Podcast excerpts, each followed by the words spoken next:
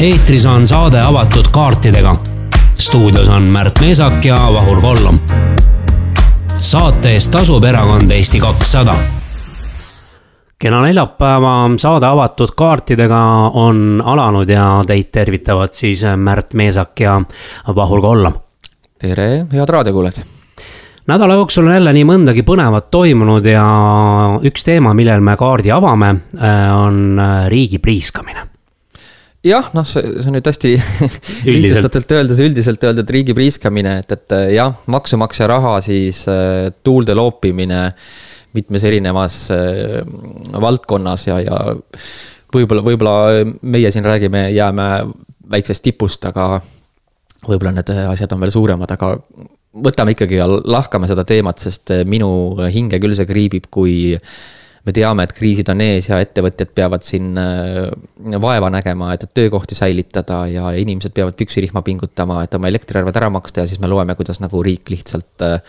kulutab ühes kohas või teises kohas selliseid äh, mitte kolmeeuroseid arveid, vaid ikkagi nagu kümnetes tuhandetes olevaid summasid. ja ma juhatan sisse ka selle, mille peale siis Märt Meisaku vererõhk korraga tõusis. nimelt kolmeteistkümnendal ja neljateistkümnendal oktoobril toimus Viljandis Ugala teatris tippjuhtide aastakonverents, mis läks maksma kuuskümmend tuhat eurot. Mitte ainult, et muide, kas sa tead, et, et see, sellele kuuekümnele tuhandele eurole läks otsa ka veel majutus? Ja, ja mida iga siis see, see äh, riigi tippjuhi äh, ametiasutus veel lisaks kinni maksis, on ju, ja kui, kui me vaatas va,, kui ma vaatasin neid numbreid, et seal osales siis umbes kuuskümmend riigi tippametnikku ja see läks maksma kuuskümmend tuhat, siis tegelikult kulutati rõõmuga ära põmm iga ametniku kohta tuhat eurot. lihtsalt äh, toreda kokkusaamise peale, et ma olen selles mõttes nagu nõus, et inimesed peavad äh, kokku saama ja peavad arutama nendel teemadel, et see on kahtlemata vajalik ja, ja, ja on olnud ka kiitjaid, näiteks Sakal ajakirjanik Kristjan Valgur ütles, et noh loomulikult on vaja ju seda, et tippjuhid äh, kohtuvad, äh, see on täiesti mõistlik asi ja ka oluline on see, et, et nad kohtuvad ju väljaspool Tallinna, aga no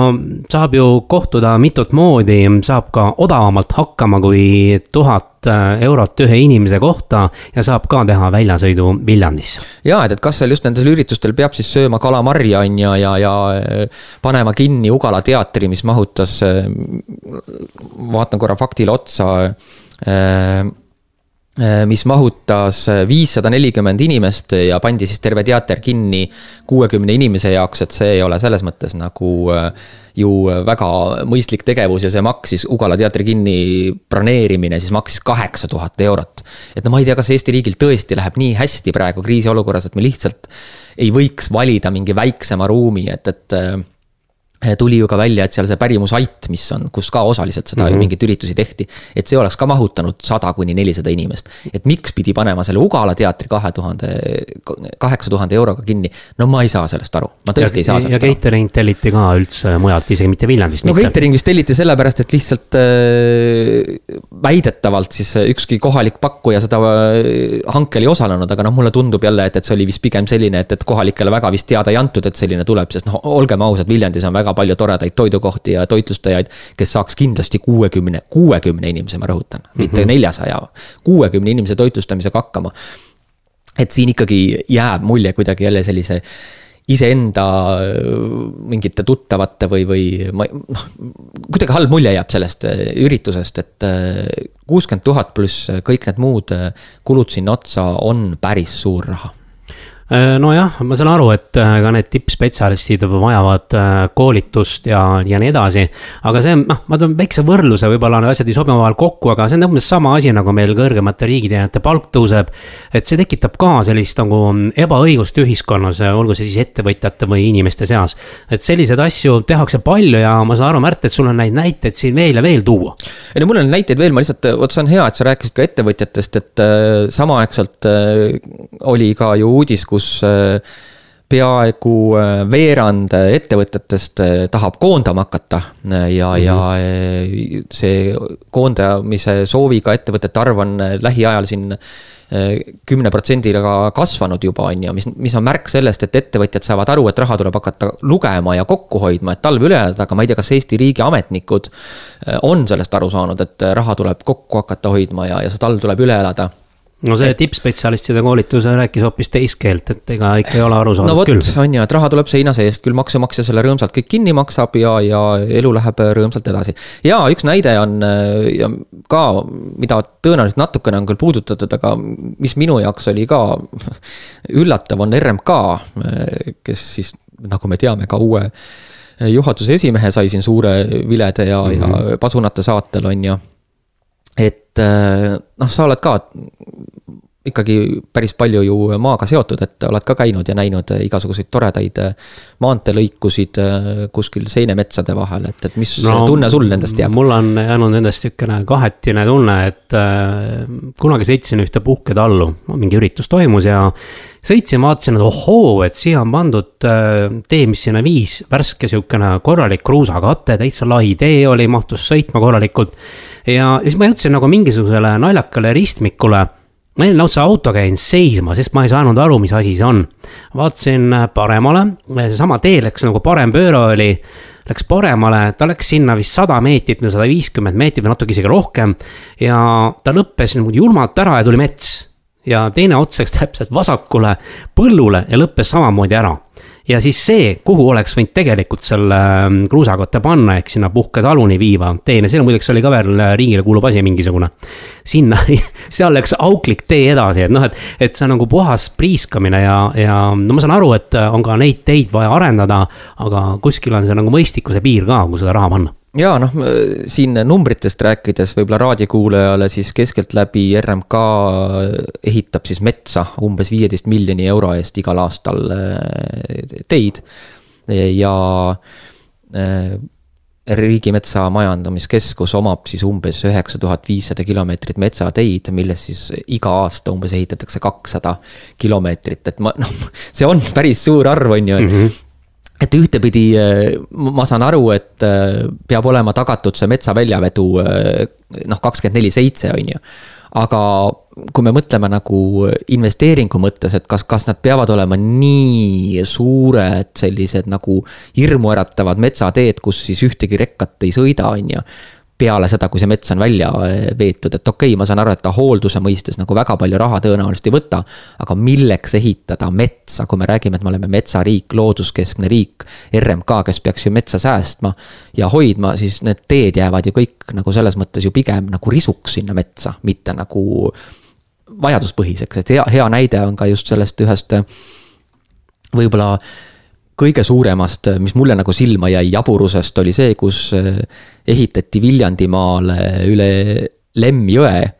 Eh, et saada kaheteist hektarilisele pinnale siis hooldust teha, ehitati kahesaja tuhande eurone, õige raadiokuulajad, kahesaja tuhande eurone eh, sild mm. -hmm, et okay. hooldada kahtteist hektarit põllumaad. no ma ei tea, kas, kas see on raiskamine või see ei ole raiskamine, mina ütlen, et see on raiskamine. see on puhas raiskamine. ja, ja see oli sada nelikümmend kolm meetrit äh,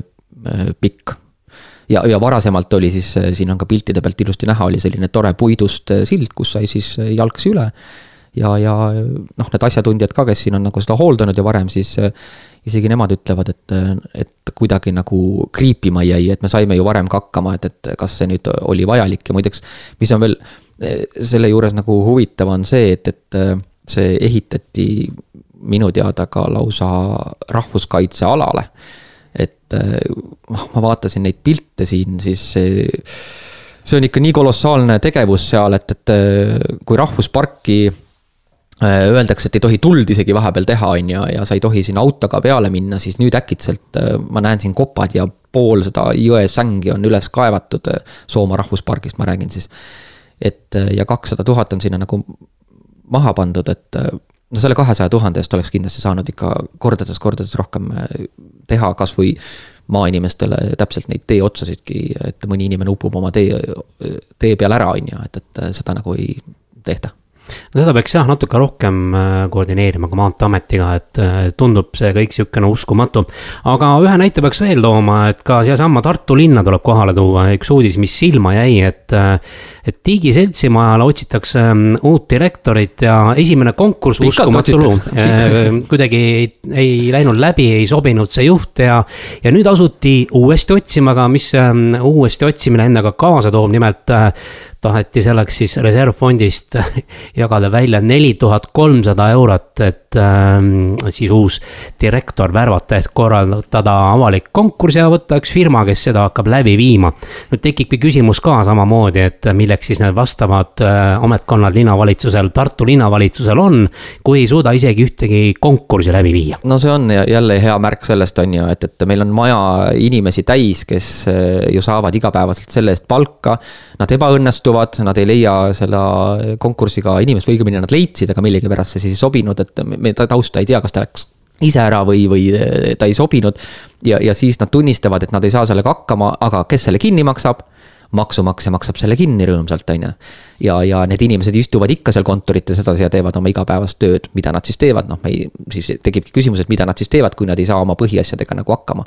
et äh, hästi lihtne on ju äh, niimoodi kogu aeg sellest seina seest seda raha võtta, et oleks ettevõtjal või meil kodus ka niimoodi mm, -hmm. et, et vaatad, et oh, uut, uut külmikut on vaja. ah, ma ei viitsi ise seda külmikut küll poest ära tuua, et maksan selle transpordi lihtsalt kinni, on ju, et, et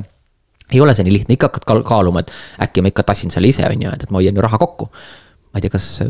Eesti riigi ametnike poolt on selline mõtlemine, et äkki ma ei tee seda, et äkki ma hoian raha kokku ei kujuta ette, mida nad sellel hetkel mõtlesid, et võib-olla ei julenud keegi võtta vastutust, kuna see konkurss nagu miskit moodi ebaõnnestus, et aga siis tulebki ju vastutus võtta, kui sa ei, ei leidnud äh, õiget inimest sellele ametipositsioonile, võib-olla olid lähteküsimused valed. või oli variant teine, et äh, ei saanud vajalik isik äh, kuidagi selle konkurentsi tulemusel ja, ametisse. ja, ja vot, vot siit võib tulla see päris õige asi välja, et, et võib-olla tõesti juhtus niimoodi, et, et õige inimene ei saanud sinna ära määratud, noh, me oleme ju siin äh, varem ka rääkinud äh, nendest igasugustest äh, juhtide määramisest siin riigi tasemel, et noh, see seostub ka ju sellesama prallega, on ju, et, et kui määratakse seal oma inimesi igale poole rõõmsalt, käsi peseb kätt, on ju, nüüd tehakse koos pralle mm. -hmm. no mis, mis mulje see nagu jätab, see jätab ikkagi natukene mingi kokkumängu mulje, et, et meie tippametnikud või ametnikud elavad ikkagi hoopis teises riigis, kui meie kodanikena elame ja see on probleem jaa, see on asi kindlasti, mis vajab äh, Eestis muutmist ja ega muuta muidu ei saa ju, kui tuleb ka valimistel teha teisi valikuid. absoluutselt, et äh, Eestisse võiks äh, saada küll võimule ükskord selline valitsus või sellised inimesed, kes nagu ei mõtle ainult selle peale, et kuidas järgmine kord uuesti pukki saada, vaid nad tegelikult ka teevad need reformid ära, mis Eestil vaja teha on ja riigireform ja kogu see ametnikkonna reform ja üle vaadata, mis asju üldse Eesti riik peab äh, osutama oma kodanikele ja mida ta ei pea osutama. see tuleks ära teha, sest äh, meil see riigi ülalpidamine paisub nagu pärm igast valimistest valimistesse, on ju, ja, ja kõik need Riigikogu erakonnad on ju ikkagi seda valimisvastutust kandnud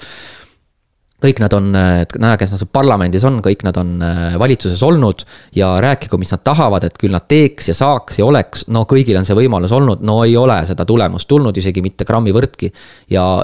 see tuleks, mitte isegi tuleks, vaid tulebki äh, ära teha esimesel võimalusel. Ja selleks on viies märts. just nimelt, aga läheme nüüd väikesele pausile. Raadiosaade avatud kaartidega on Raadio Ring FM eetris neljapäeviti kell üksteist ühiskondlikel ja aktuaalsetel teemadel arutlevad Märt Meesak ja Vahur Kollom oleme nüüd väikeselt pausilt tagasi ja tänases saates räägime ka Ukraina sõjast ja räägi nüüd Märt ära, et kui sõda algas, et millised olid need kanalid, kus sina informatsiooni toimuma kohta hankisid? jaa, eks need kanalid ikkagi olid tõenäoliselt nagu meil kõigil, et äh, Eesti enda online kanalid eelkõige, et äh, noh, see oli ju nii uus asi, et äh, ikkagi äh, nii Delfi kui Postimees tegid ju äh, blogi ja siis ikkagi scroll isid seda sealt ja ootasid uusi andmeid. no täna ju seda enam ei tee, tuleb tunnistada, mis ei tähenda, et sõjaväsimus oleks, vaid lihtsalt see iga väikene miin või pomm tõenäoliselt enam nagu sõjakulgu ei muuda nii, aga mina läksin juba Krimmi sõja ajal vähe või annekteerimise ajal vähe kaugemale. Ja juba siis ma hakkasin jälgima militaar.net nimelist äh, lehekülge, kus siis mehed jagasid linke, arutlesid. ja kui Ukraina sõjaks läks, siis ma leidsin üles ka Telegrami nimelise aplikatsiooni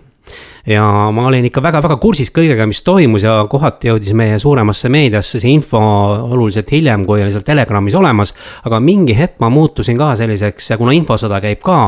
ähm, need allikad ja kõik see info tundus kuidagi sihuke, et kas see nüüd vastab ikka sada protsenti tõele ja siis ma arvasin, et ma nüüd äh, hakkan jälgima noh, ikkagi neid põhivoolukanaleid äh, ja hakkasin loomulikult jälgima ka ühe härrasmehe blogi äh, igapäevaseid postitusi, kellega me peagi ka intervjuu teeme. Ja, ja ega see, nüüd on see sõda juba kestnud ju päris pikalt, et äh, ma, ma tõesti ka loodan, et inimesed sellest nagu ära ei väsi, sellepärast et ega siis Ukraina peab ikkagi selle sõja võitma ja, ja, ja, ja see, et, et me teda nüüd iga, iga minut ei jälgi, ma arvan, et see on õige, sest ega siis elu tuleb edasi elada. ja, ja mitte hirmu tunda, aga noh, õnneks Eesti on ka piisavalt palju teinud selleks, et äh, Ukraina selle sõja võidaks. aga mis sulle tundub, kui palju või kuidas sulle Euroopa äh, paistab selle taustal? Euroopa, no nüüd äh, tundub Euroopa oluliselt ühtsem, kui oli mingi aeg tagasi, et see teadmine hakkab kohale jõudma, aga Äh, mida aeg edasi läheb, mida kõrgemaks lähevad äh, energiahinnad, äh, siis võib juhtuda nii mõneski riigis hakatakse võib-olla arvama seda, et see sõda peab nui neljaks ära lõppema tead, mis on huvitav? noh, tegelikult sõda peabki ära lõppema, aga Ukrainale vägagi soodsatel tingimustel. jaa, kindlasti seda sõda lõppu saab ikkagi ainult otsustada Ukraina ise, mitte keegi Just. teine. aga tead huvitavaid numbreid näiteks, et see sõda tegelikult on ju Euroopa pinnal ja eh, suurusjärgud, kui palju siis on panustanud Euroopa Liit ja kui palju on panustanud Ameerika Ühendriigid relvastusega Ukrainale, siis need on tegelikult kolossaalsed, et Ameerika Ühendriigid on andnud sõja algusest alates kaheksateist miljardit euro väärtuses sõjavarustust. päris suur number. aga Euroopa? vot ma tõesti ei tea. no mitte, et see nüüd number väike on, aga Ameerikaga võrreldes ja teades, et see on Euroopa pinnal, on see ikka kolossaalselt väike, see on kolm miljardit ahah, okei okay., aga ütleme, et kas see on nüüd ainult sõjaline abi? see on nüüd ainult sõjaline aga abi. aga noh, Euroopa Liit tõenäoliselt on andnud ka rahalist abi ja need numbrid on tõenäoliselt oluliselt suuremad. ka kordades vähem kui Ameerika Ühendriigid ja tegelikult äh, siitpoolt, Eesti poolt vaadatuna näitabki ikkagi seda, et, et NATO-sse astumine on olnud ikkagi noh, kordades õigustatud tegevus Eesti poolt, sest ilma NATO-ta ja Ameerika Ühendriikidega äh, Euroopas ikkagi rahu vist äh, kahjuks ei oleks, sellepärast et Euroopa ise ei suuda seda täna, vähemalt ei suutnud Äh, ise tagada, et neil ei olnud seda valmisolekut, neil ei olnud seda relvastust, neil ei olnud äh, selliseid relvatööstuseid ja kõike muud, et, et äh, ehk nüüd võetakse jalad kõhu alt välja ja saadakse aru, et, et Euroopa peab ikka iseenda jaoks ka midagi tegema. noh, me räägime alati ju ka kodu ja Eesti kaitsest, et kõigepealt tuleb mm -hmm. ise teha ja siis teiste peale loota, et, et mulle praegu tundub, et Euroopa suurriigid küll väga selle peale nagu mõelnud varem ei olnud, et nad pigem ikkagi vaatasid, et oh, küll siin kuskil keegi midagi teeb ja Vene riik on selline tore, et saame sealt naftat ja gaasi ja teeme äri ja, ja, ja mis see Balti riigid seal üldse nagu räägivad? ei no, noh, mõnes mõttes kõlab see küll natuke kurvalt, aga me oleme ju natuke puhvertsoonis ka, et kui Poolas sõda, kui Poolas läheb sõjaks, no siis Saksamaa hakkab väga tõsiselt muretsema juba. kuule, aga kas sa panid tähele ka meedias oli selline huvitav äh, selline pealkiri ja isegi uudis, et äh, EKRE endine esimees võttis sõna Ukraina sõja kohta, kus ta siis ütles, et äh, ta ei ole ei Ukraina ega Venemaa poolt, vaid on hoopis rahu poolt, et kuidas sulle see tundub? Äh, aastal kaks tuhat kakskümmend kaks mulle see ei tundunud päris mõistlikuna, ma saan aru küll, et valimised on tulekul ja hääli tahetakse korjata siit ja sealt, aga kui me oleme kuulutanud ühe riigi juba terroristlikuks riigiks, siis me enam ei kasuta selliseid väljendeid, vaid nimetame asju õigete nimedega minu jaoks oli see ka väga äh, šokeeriv ja, ja tegelikult on ka kolmekümne esimesel oktoobril MTÜ Ühiskonnauuringute Instituut äh, siis äh, Norstati Eesti tehtud küsitluse põhjal uuringut teinud samal teemal ja, ja viiskümmend üheksa protsenti valimisõiguslikest kodanikest ei toeta Mart Helme hiljutist seisukohavõttu Ukraina sõja kohta. tead, mis on siin väga hirmutav number, on see et, et kuuskümmend neli protsenti EKRE toetajatest on temaga nõus. ahah, okei okay et noh, kokkuvõttes on ikkagi see, et, et minu sõnum võib-olla siit äh, on, on selline, et, et kui täna inimene, kes äh, Eestis elab ja, ja peab valima minema, siis äh, ma saan aru, et, et Reformierakonnas pettumus on päris suur, sellepärast et me näeme, et kriisiolukordades ei ole Reformierakond hakkama saanud. Aga EKRE ei saa olla kuidagimoodi alternatiiv sellele kriiside ja, ja kõige muule, kui nad toetavad Ukraina ja Venemaa sõja valguses mitte Ukrainat, et see on minu kui eestimeelse inimese jaoks täiesti vastuvõetamatu ja ma näen siin ainukest alternatiivi, see on Eesti kakssada, kes on selgelt öelnud, et äh, me ei ole rahul Reformierakonna kriisides hakkama saamisega. me tahame ja, ja kindlasti ka äh, valmistume äh, kriisideks paremini ette nii pika plaani kui ka sisuteemadega. just, kui me räägime Reformierakonnast, siis kindlasti peab rääkima ka nende pikaajalisest võimulolekust ja sealt tulebki välja see kõik see tegematust, et neil on plaan puudunud. ja sealt tulevadki need kriisihädad kõik, mis meil on olnud. absoluutselt, sest lihtsalt on siis oldud võimul, on ju, ja nagu ka Kaja siin ju ükskord ütles, et ta peab ainult kriisidega tegelema ja, ja ta ei saa nagu valitseda. nii et äh, ikkagi alternatiiv ei ole mitte Ukraina vastane vaid ikkagi Ukraina poolt olev äh, uus Eesti äh, valitsus ja Eesti kakssada kindlasti seda ka on. nüüd läheme ka väikesele pausile ja pärast seda pausi teeme intervjuu Igor Taroga. raadiosaade avatud kaartidega on Raadio Ring FM eetris neljapäeviti kell üksteist. ühiskondlikel ja aktuaalsetel teemadel arutlevad Märt Meesak ja Vahur Kollom oleme nüüd väikeselt pausilt järjekordselt tagasi ja kaua välja reklaamitud hetk on saabunud ja me saame nüüd öelda tere Igor Tarole. tere, tere. tere, Igor. Rõõm kuulda, tõesti saate kuulajad tõenäoliselt on juba oodanud, et eelmine saade lubasime, et, et helistame, aga vähemalt seekord on see olemas Eh, Igor, sa oled eh, teinud eh, suurt ja tublit tööd ja, ja iga päev informeerid Eesti inimesi Ukraina rindelt, et aitäh sulle kõigepealt selle eest. aga kui me nüüd teemasse sisse läheme, siis äkki sa võtaksid ja vaataksid nagu tulevikku, et, et viimased uudised on selles mõttes nagu Vene poolt äh, suhteliselt äh, karmid, et äh, rünnatakse tsiviiltaristuid ja me teame, et talv tuleb ja, ja ilma elektri ja soojata kindlasti inimeste motivatsioon ja vastupanuvõime langeb, et, et. mis sealt uudistest kajab, et kas Ukraina ikka peab kevadeni vastu? ma arvan, et ta peab vastu küll. Äh, noh, küll on muidugi küsimus selles, et kui suurte raskustega ja see taktika, mida Venemaa on äh, tõesti kasutusele võtnud, äh, seisneb selles, et kui nad äh, rindel võita ei suuda, siis nad on hakanud hävitama suures koguses tsiviilinfrastruktuuri. Ehk siis põhimõtteliselt põhjustama kannatusi rahumeelsetele elanikele. Läbi selle, et neil ei ole elektrit, neil ei ole veevarustust, neil ei ole kütet et äh, see kõik äh, noh, muidugi seondubki nende elektrijaamade ja alajaamadega, mida äh, Vene okupandid ründavad seal. noh, küsimus on nüüd selles, et, et miks nad seda teevad, teevad nad seda sellepärast, et kuna neil rindel hästi ei lähe, siis neil on vaja mingisugust hooba läbirääkimiste alustamiseks või läbirääkimiste käimalükkamiseks või Ukraina sundimiseks läbirääkimistes, selle, sellepärast et Ukraina on öelnud, et äh, tema läbi rääkida ei taha, ta tahab oma territooriumid ära vabastada,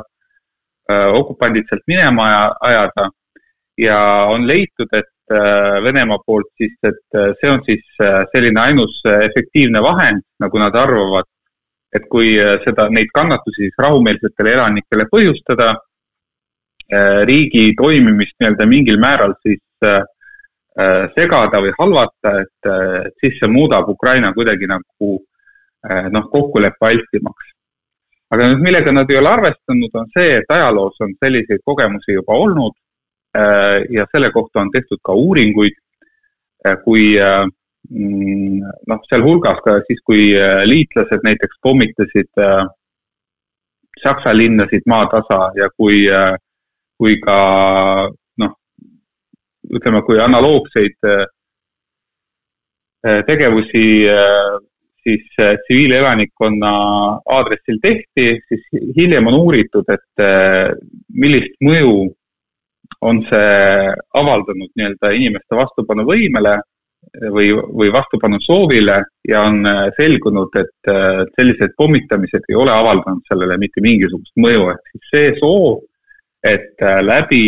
siis Äh, tsiviiltaristu purustamise äh, saavutatakse olukord, kus äh, rahvas läheb nõudma Ukraina presidendilt äh, kõneluste alustamist äh, Vene poolega, see lihtsalt ei täitu. et see on, ütleme noh, selline põhiline äh, nii-öelda argument või teema, miks, miks Venemaa seda teeb ja, ja on olemas siis ka see tõenäoline tulemus, noh, mis ei, mis, mis Venemaa nii-öelda soovide järgi ei kulge. et selles mõttes jah, Ukraina peab kevadeni kindlasti vastu, aga küsimus on selles, et et ja, et seal, seal tekivad nagu tõsised takistused, sellepärast et esimeste rünnakute järel said ukrainlased oma elektrisüsteemi noh, ilusti korda ja tasakaalustatud ja parandati ära, ütleme, need mingisugused suuremad liinid, mis olid äh, rikutud võib-olla kusagil ala, alajaamas, kas suunati ümber, lülitati ümber, aga kuna need sellised noh, süstemaatiliselt ja, ja ulatuslikud rünnakud on kestnud järjepidevalt alates äh, kümnendast oktoobrist ja täna on meil juba noh, novembri algus, siis äh, noh, see toobki kaasa, et ühel hetkel äh, lihtsalt see taristu annab järele ja tegelikkuses noh, Ukrainal jääb puudu vahendeid, millega parandada noh, millega asendada purustatud trafosid näiteks. ja noh, neil on ka tehnikapuudus, et, selles mõttes jah, nende elektrisüsteem annab järele ühel hetkel, aga see ei tähenda, et, et nende võitlusvaim ja võitlustahe nagu kaob. noh, loomulikult Ukraina nagu siin äh, saab abi oma liitlastelt, et äh, Euroopa Liit äh, siin eile näiteks Kadri Simsoni suust äh, lubas et äh, Ukraina võib saada nii elektrienergiat Euroopa Liidust, äh, noh, mis on muidugi ka keeruline ja pingeline teema, aga noh, tõenäoliselt ka mingisugust abi nende elektrivõrkude parandamiseks. no teine abi, mis on efektiivsem ja mis aitab neid rünnakuid tõrjuda, on loomulikult nagu õhukaitsesüsteemid. ja neid tarnitakse Ukrainasse selle kuu jooksul rohkem kui äh, kui Ukraina on suutnud eelneva kaheksa aasta jooksul oma õhukaitset parandada. et tulevad kaasaegsed NASAMS-süsteemid, kaks tükki peaks kohe jõudma, kaks tükki jõuavad mõne aja pärast, mõne aja pärast jõuavad ka Iris-T-d, äh, mis on Saksamaa süsteemid, üks on juba kohal väga hästi on töötanud.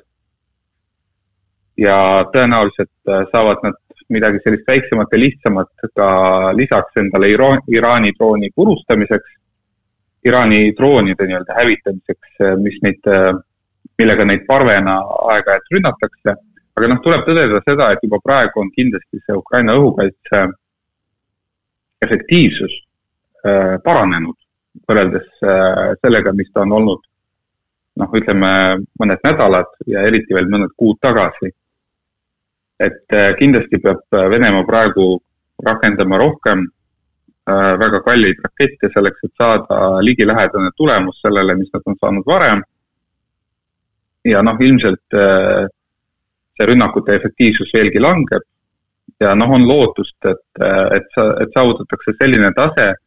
kus ka siis, kui Venemaa ikkagi üritab veel edasi rünnata, siis Ukraina suudab juba nende asjadega nii-öelda hakkama saada noh, remondi või võrgu tasakaalustamise või parandamise mõttes. No ja on ka lootus, et tegelikkuses Venemaa võime et rünnakuid läbi viia ei ole ka lõputu, et äh, see peab ühel hetkel äh, samuti ammendama. siia ma tahtsingi just, äh, väga hea, et sa sinna jõudsid, et ma tegelikult tahtsingi selle teise poole ka, et, et me rääkisime ja aitäh, sa rääkisid nagu pikalt just sellest Ukraina vastupanuvõimest, et aga. aga kuidas nagu paistab sealt nendest blogidest ja kus sa kõike jälgid, et no mingil hetkel peaks ju ka Venemaa ressurss hakkama ammenduma, et, et noh, me näeme, et nad on strateegiat muutnud, et nagu sa ütlesid ka, et, et rindel neil enam edu ei saada. Nad on nüüd võtnud nagu järgmise etapi, mis tundub natukene nagu selline appikarjuv karjuv tegevus olevat, tulge nüüd kähku kõnelustele, sest me varsti väsime ära. või, või kuidas, kuidas sealt tundub see? jah, no ega see tegelikkuses see ongi nagu meeleheitlik tegevus, et äh, nende, nad näevad, et nende ressurss hakkab ammenduma. Äh, noh, seda ei oska kunagi ju täpselt ennustada, et millal see ressurss täiesti ammendub, et alates Ukraina sõjast on tekkinud selline äh, omamoodi nagu meem, et kaks-kolm nädalat veel, aga järgmised poolteist kuud on väga rasked. et äh, on suhteliselt raske nagu hinnata, et kui palju sellega täpselt läheb, aga selge on see, et äh, rindel nad enam äh, väga suuri surveavaldusi teha ei suuda, et need asjad, mis nad siin viimati üritasid natukene mõnel lõikul midagi juurde teha, et need suhteliselt sumbusid paari päeva jooksul ilma suuremate tulemusteta. ja seesama, et nad on hakanud uraanist, vabandust, Iraanist droone ja ka Mm, maapealseid ballistilisi rakette tarnima või noh, on üritanud siis äh, mingisugust tehingut teha Iraaniga, et neid saada, et tõenäoliselt nad on neid rakette ka saanud. see viitab sellele, et neil on endal asjad otsakorral. et noh, nii nagu mingil hetkel Ukraina enda luure avaldas, et Iskanderi rakette on neil jäänud kaksteist protsenti ainult Äh, tavaliselt öeldakse et, et kolmkümmend protsenti peaks olema puutumatu tagavara, mida noh, mille kallale ei minda mitte mingil juhul. noh, või siis sellisel juhul, kui ütleme, on tegu juba sellise eksistentsiaalse probleemiga, et äh, sama teema on nende kõikide teiste rakettidega, et äh, kusagil on nad viiekümne protsendi peal või neljakümne protsendi peal et äh, jah, selles suhtes äh, kõik märgid näitavad, et neil on see ressurss otsa korral, et äh, praegu on nad saanud Iraaniga teha mingisuguse vahetustehingu, et tõenäoliselt siin küsimus ei ole ainult millegi ostmises või müügis, vaid mingisuguse tehnoloogia jagamises, mida Iraanil on puudu või mida nad ei saa sanktsioonide tõttu näiteks. Eh, noh, spekuleeritud on selle üle, et tegu on eh, Su kolmkümmend viis eh, sõjalennukitega, mida Iraan vastutasuks siis saab. siin käis no, läbi äh, sõna rinne ka, et äh, kas on mingeid märke ka sellest, et Ukraina on ju sõdinud väga arukalt ja mõistlikult. kas on kuskil märgata ka, et äh, on tulekul mõni suuremat sorti pealetung rindel? Eh, noh, seda on tegelikult nagu oodatud, et äh, Ukraina võiks äh, mingisuguse sellise järgmise sööstu teha, nii nagu nad on äh, teinud Harkivi oblastis, nii nagu nad on teinud siin hiljuti ka Hersoni oblastis. et noh, põhimõtteliselt need põhisuunad, kus see võiks toimuda, on seesama Hersoni oblasti paremkalda piirkond, kus siis Vene väed on osaliselt isoleeritud tänu Dnepri jõele Nad on siis Dnepri paremkaldal ja kuna Ukraina kontrollib neid sildasid, mis sinna paremkaldale viib, viivad ja äh, tulega üritavad kontrollida ka neid äh, nii-öelda ületuskohti, äh, kus üritatakse siis mingisuguste parvedega varustust viia, noh siis tõenäoliselt see on üks loogilisi paiku, noh, mis on enam-vähem nagu isoleeritud või ütleme, sellise isoleerimise staadiumis, äh, kus nad võiksid äh, mingisugust äh, edu saavutada. noh, seal on ainus üks aga, et seal on Vene vägede kontsentratsioon väga suur. et nad on suutnud kas eelpaigutusega või siis oma sellise noh, kergelt hädise logistikaga siiski sinna üht-teist nagu juurde tuua, aga mitte enam suurtüki moona tõenäoliselt sellepärast, et märgid näitavad, et sealt suurtüki tuletihedus ei ole nii kõva, nagu varem oli ja ja oli ka infot, et nad üritavad neid suurtükke üldse sealt äh, minema viia. no teine suund on Luganski nii-öelda oblasti põhjaosa, et, äh, et see oleks siis sellise Harkivi pealetungi nagu jätk, et seal ei ole väga palju tugipunkte äh, suurte linnade näol selle põhjaosa tipus aga hetkel on ukrainlased seal takerdunud, et äh, noh, seal on mitmeid põhjuseid, võib-olla on see mingisugune mudane ilm, äh, võib-olla on ka see, et äh, Vene okupandid on suutnud suhteliselt palju mobiliseerituid sinna kohale ajada ja, ja oma sellist ahelikku nagu tihendada. ja võib-olla on ka asi selles, et ukrainlaste ressurss on natukene ammendunud nende eelnevate sööstute läbiviimisega ja nad soovivad äh, seda pisut taastada, noh, see võtab natuke aega, et äh, formeeritakse uued üksused, äh, lastakse neil kosuda, varustatakse need uuesti, et enne kui siis tehakse mingisugune järgmine samm. Kuule, väga no, hea, ja see, see oli ka hea teema ja ma just tahtsingi küsida, et kuidas nagu paistab üldse, et me räägime alati relvadest ja kõigest muust, et kas ukrainlastel nagu sõduritel ikka leiba ja saapaid jät-, jätkub, et see on ju ka üks olulisemaid motivatsiooniallikaid, kui meestel on ikkagi olemas need vahendid, et noh, me oleme ju lugenud siin Vene eh, Föderatsiooni sõjaväelastest, kes kurdavad, et eh, süüa ei ole ja, ja varbad külmetavad, et kas Ukraina poole seda ohtu ei paista praegu? no see on põhiline vahe, mis määrab tõenäoliselt selle kahe armee võimekuse ära, et, äh, et Ukrainas äh, on see, ütleme, logistika teemaga on kõik äh, need kaheksa aastat alates Krimmi okupeerimisest ja selle edasisest Donbassi osalisest okupeerimisest, sellega on nagu tegeletud päris, päris tõsiselt ja selles mõttes neil olid vabatahtlike võrgustikud juba kaheksa aastat olemas ja, ja ka Ukraina kaitseministeerium noh, on ikkagi tegelenud sellega, et, äh, et nende sõjaväelased, kaitseväelased saaksid paremini süüa, saaksid paremini riidesse. et äh, see on kindlasti keeruline väljakutse, aga on näha, et näiteks igasuguste talvevormide ja, ja ma ei tea, kas või telgiahjudega on tegelenud äh, suvest saadik. ja ma arvan, et äh, toiduprobleemi neil ka ei ole. ja noh, vastutasuks äh, või ütleme vastukaaluks äh, siis äh, noh, Vene kaitseväe mure on see, et äh, nende sõdurid on söömata on söömata, siis ta ei sõdi, et põhimõtteliselt see paneb asjad paika. ja see paneb asjad paika, aga võib-olla tõmbakski otsad kokku ja, ja ma küsiks nagu sellise küsimuse, et siin Euroopas ja ka natukene Eestis on vahepeal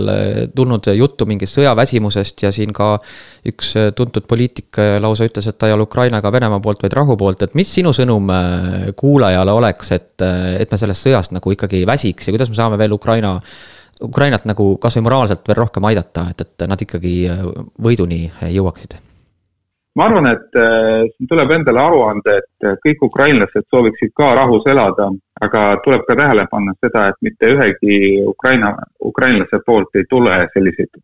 üleskutseid rahu poolt, sellepärast et üleskutsed rahu poolt tuleb, tulevad hetkel ainult härra Putinilt, kes, äh, kellel on tõena-, tõenäoliselt noh, veelgi suurem sõjaväsimus, sest tema planeeris ju lühikest erioperatsiooni. Ja ega see Venemaa selline narratiiv ei ole muutunud aastatega, et äh, ma tänases päevikuski kirjutasin meenutasin, et äh, ka kallaletungi Gruusiale kahe tuhande kaheksandal aastal nimetati rahule sundimise operatsiooniks. ehk siis neil, nende fantaasia ei ole väga rikkalik ja retoorika muutub vähe. et selles mõttes tasub tähele panna, et kõik, kes praegu väga innukalt nagu rahule äh, nii-öelda üles kutsuvad, ja ütlevad, et nad ei ole Ukraina poolt, noh, kelle poolt nad siis on. et äh, üldiselt ka Venemaaga kogemus on näidanud, et see agressori äh, nii-öelda äh, rahustamine, talle järeleandmine ja ohvrile kaitseta jätmine ei too mitte kunagi rahu. ja ka, ja ka varasemast ajaloost on see teada, et see pigem kindlustab sellist Venemaa isu Äh, selle kasvamist ja sõja laienemist, et eelmine kord, kui äh, üritati siis äh, Venemaaga rahus kokku leppida kaks tuhat kaheksa Gruusia osas, lihtsalt lükati sõja jätk edasi aastatesse kaks tuhat neliteist kuni kaks tuhat kakskümmend kaks. et sellepärast ongi Eesti ainus valik toetada Ukrainat, ukrainlasi nii palju kui meie võimuses ja nii pikalt, kui seda on tarvis. igasugused rahujutud, noh, sellest sellest tuleb nagu aru saada. lõpetame need ära, on ju, jah, lõpetame need rahujutud praegu ära, et Ukraina ikka saab ise seda eh, öelda, millal nad soovivad rahu teha. aga aitäh sulle, Igor, eh, intervjuu eest ja raadiokuulajad saavad ikka ja jälle sinu blogi eh, lugeda igapäevaselt ja ma loodan väga, et, et sa varsti seda blogi enam pidama ei pea ja see sõda saab ikkagi Ukraina võiduga läbi. ja mina tahan ja, soovida jõudu ja jaksu sellel blogi pidamisel, sest see on päris suur töö, mille sina oled siin, ütleme, et selle aasta jooksul ära teinud. just nii, aitäh kõike paremat raadiosaade avatud kaartidega on Raadio Ring FM eetris neljapäeviti kell üksteist. ühiskondlikel ja aktuaalsetel teemadel arutlevad Märt Meesak ja Vahur Kollom. olemegi tagasi ja tõmbame tänase saate rõõmsalt kokku. kõigepealt aitäh raadiokuulajatele, et, et te kuulasite ja Igoriga intervjuu oli ju päris põnev ja mitte ainult ja loomulikult on meie asi ka tähelepanu juhtida, et äh, Eesti riik vajab muutust ja tuleb Eestis ka ära lõpetada igasugune ametnike priiskamine. just, et lõpetame jah ära selle võib-olla natukene ka sellise mm, äh, suhtumise, et, et kõik, mis ei ole meie tagahoovis, see meid ei huvita, see puudutab siis Ukraina sõda ja tegelikult ka natukene seda raha priiskamist ja raiskamist, et, et kui minu rahakotist otseselt ei võeta, siis see mind ei huvita, tegelikult ikkagi maksumaksjana. meid peaks väga kriitiliselt äh, huvitama see, kuhu meie raha kulutatakse, eriti olukorras, kus me teame, et seda raha on ju vähe äh, ja, ja praegu ei, ei ole näha mingit suurt majanduskasvu, kus seda raha nagu rohkem peale tuleb. ma saan aru, et riigis eh, tänu sellele, et kõik hinnad on kallimaks läinud, käibemaksu laekub rohkem ja, ja riigisad saavad kõigile eh, helikopteri pealt eh, külvi lubada, aga see ei ole ju jätkusuutlik ja pikk perspektiiv ja kui me tahamegi äh, toetada kedagi, siis äh, toetame Ukrainat, äh, no vähemalt meie Märdiga oleme selgelt Ukraina poolt, siin ei ole isegi mitte mingit küsimust. jaa, sellepärast et ukrainlased ikkagi sõdivad meie eest ja, ja me, me ei saa seda nagu lihtsalt läbi sõrmede vaadata ja öelda, et rahu on hea, rahu on küll hea, aga see ikkagi toimub praegu Ukraina pinna peal, et, et kas me oleksime nõus mingil hetkel, et meie mingist osast äh, lihtsalt on okupeeritud ja siis me ütleme, et hakkame rääkima ja, ja anname meie enda inimeste ja sugulaste maad, talud, metsad lihtsalt sellepärast ära, et, et mingi hull on kuskil nagu planeerinud, et tema tahab maailma valitseja olla, et ma ei ole sellega kindlasti nõus ja kutsun küll üles kõiki kainele mõistusele, et, et see sõda saab ainult lõppeda ikkagi Ukraina võiduga, mitte millegi muuga. jah, ma olen täiesti nõus. ja otse loomulikult on meie saated järelkuulatavad Raadio Ring FM koduleheküljel, Spotify's ja Apple podcast'i keskkonnas. nii et äh, see täna oli meil juba ju seitsmes saade, kui nüüd mõelda kolm saadet veel ja oleme jõudnud juubelini välja. vot ei teagi, mis me juubeliga teeme, aga seda saab varsti kuulda ja näha. näha. Ja kui keegi tahab meile kirjutada, siis vanad head e-postid on mart.meesak at eesti kakssada punkt ee ja vahur.kollom at eesti kakssada punkt ee. ja Facebookis on meil ka oma leht olemas avatud kaartidega, leidke see üles, hakake jälgima ja olete kohe kenasti infos sees ka. Just, et positiivset meelt, aga kindlasti ka kriitika äratundmist ja sellist vaatamist laia silmaringi kutsun kõiki kohtume järgmisel neljapäeval. kena päeva. eetris on saade avatud kaartidega. stuudios on Märt Meesak ja Vahur Kollom. saate eest tasub erakond Eesti kakssada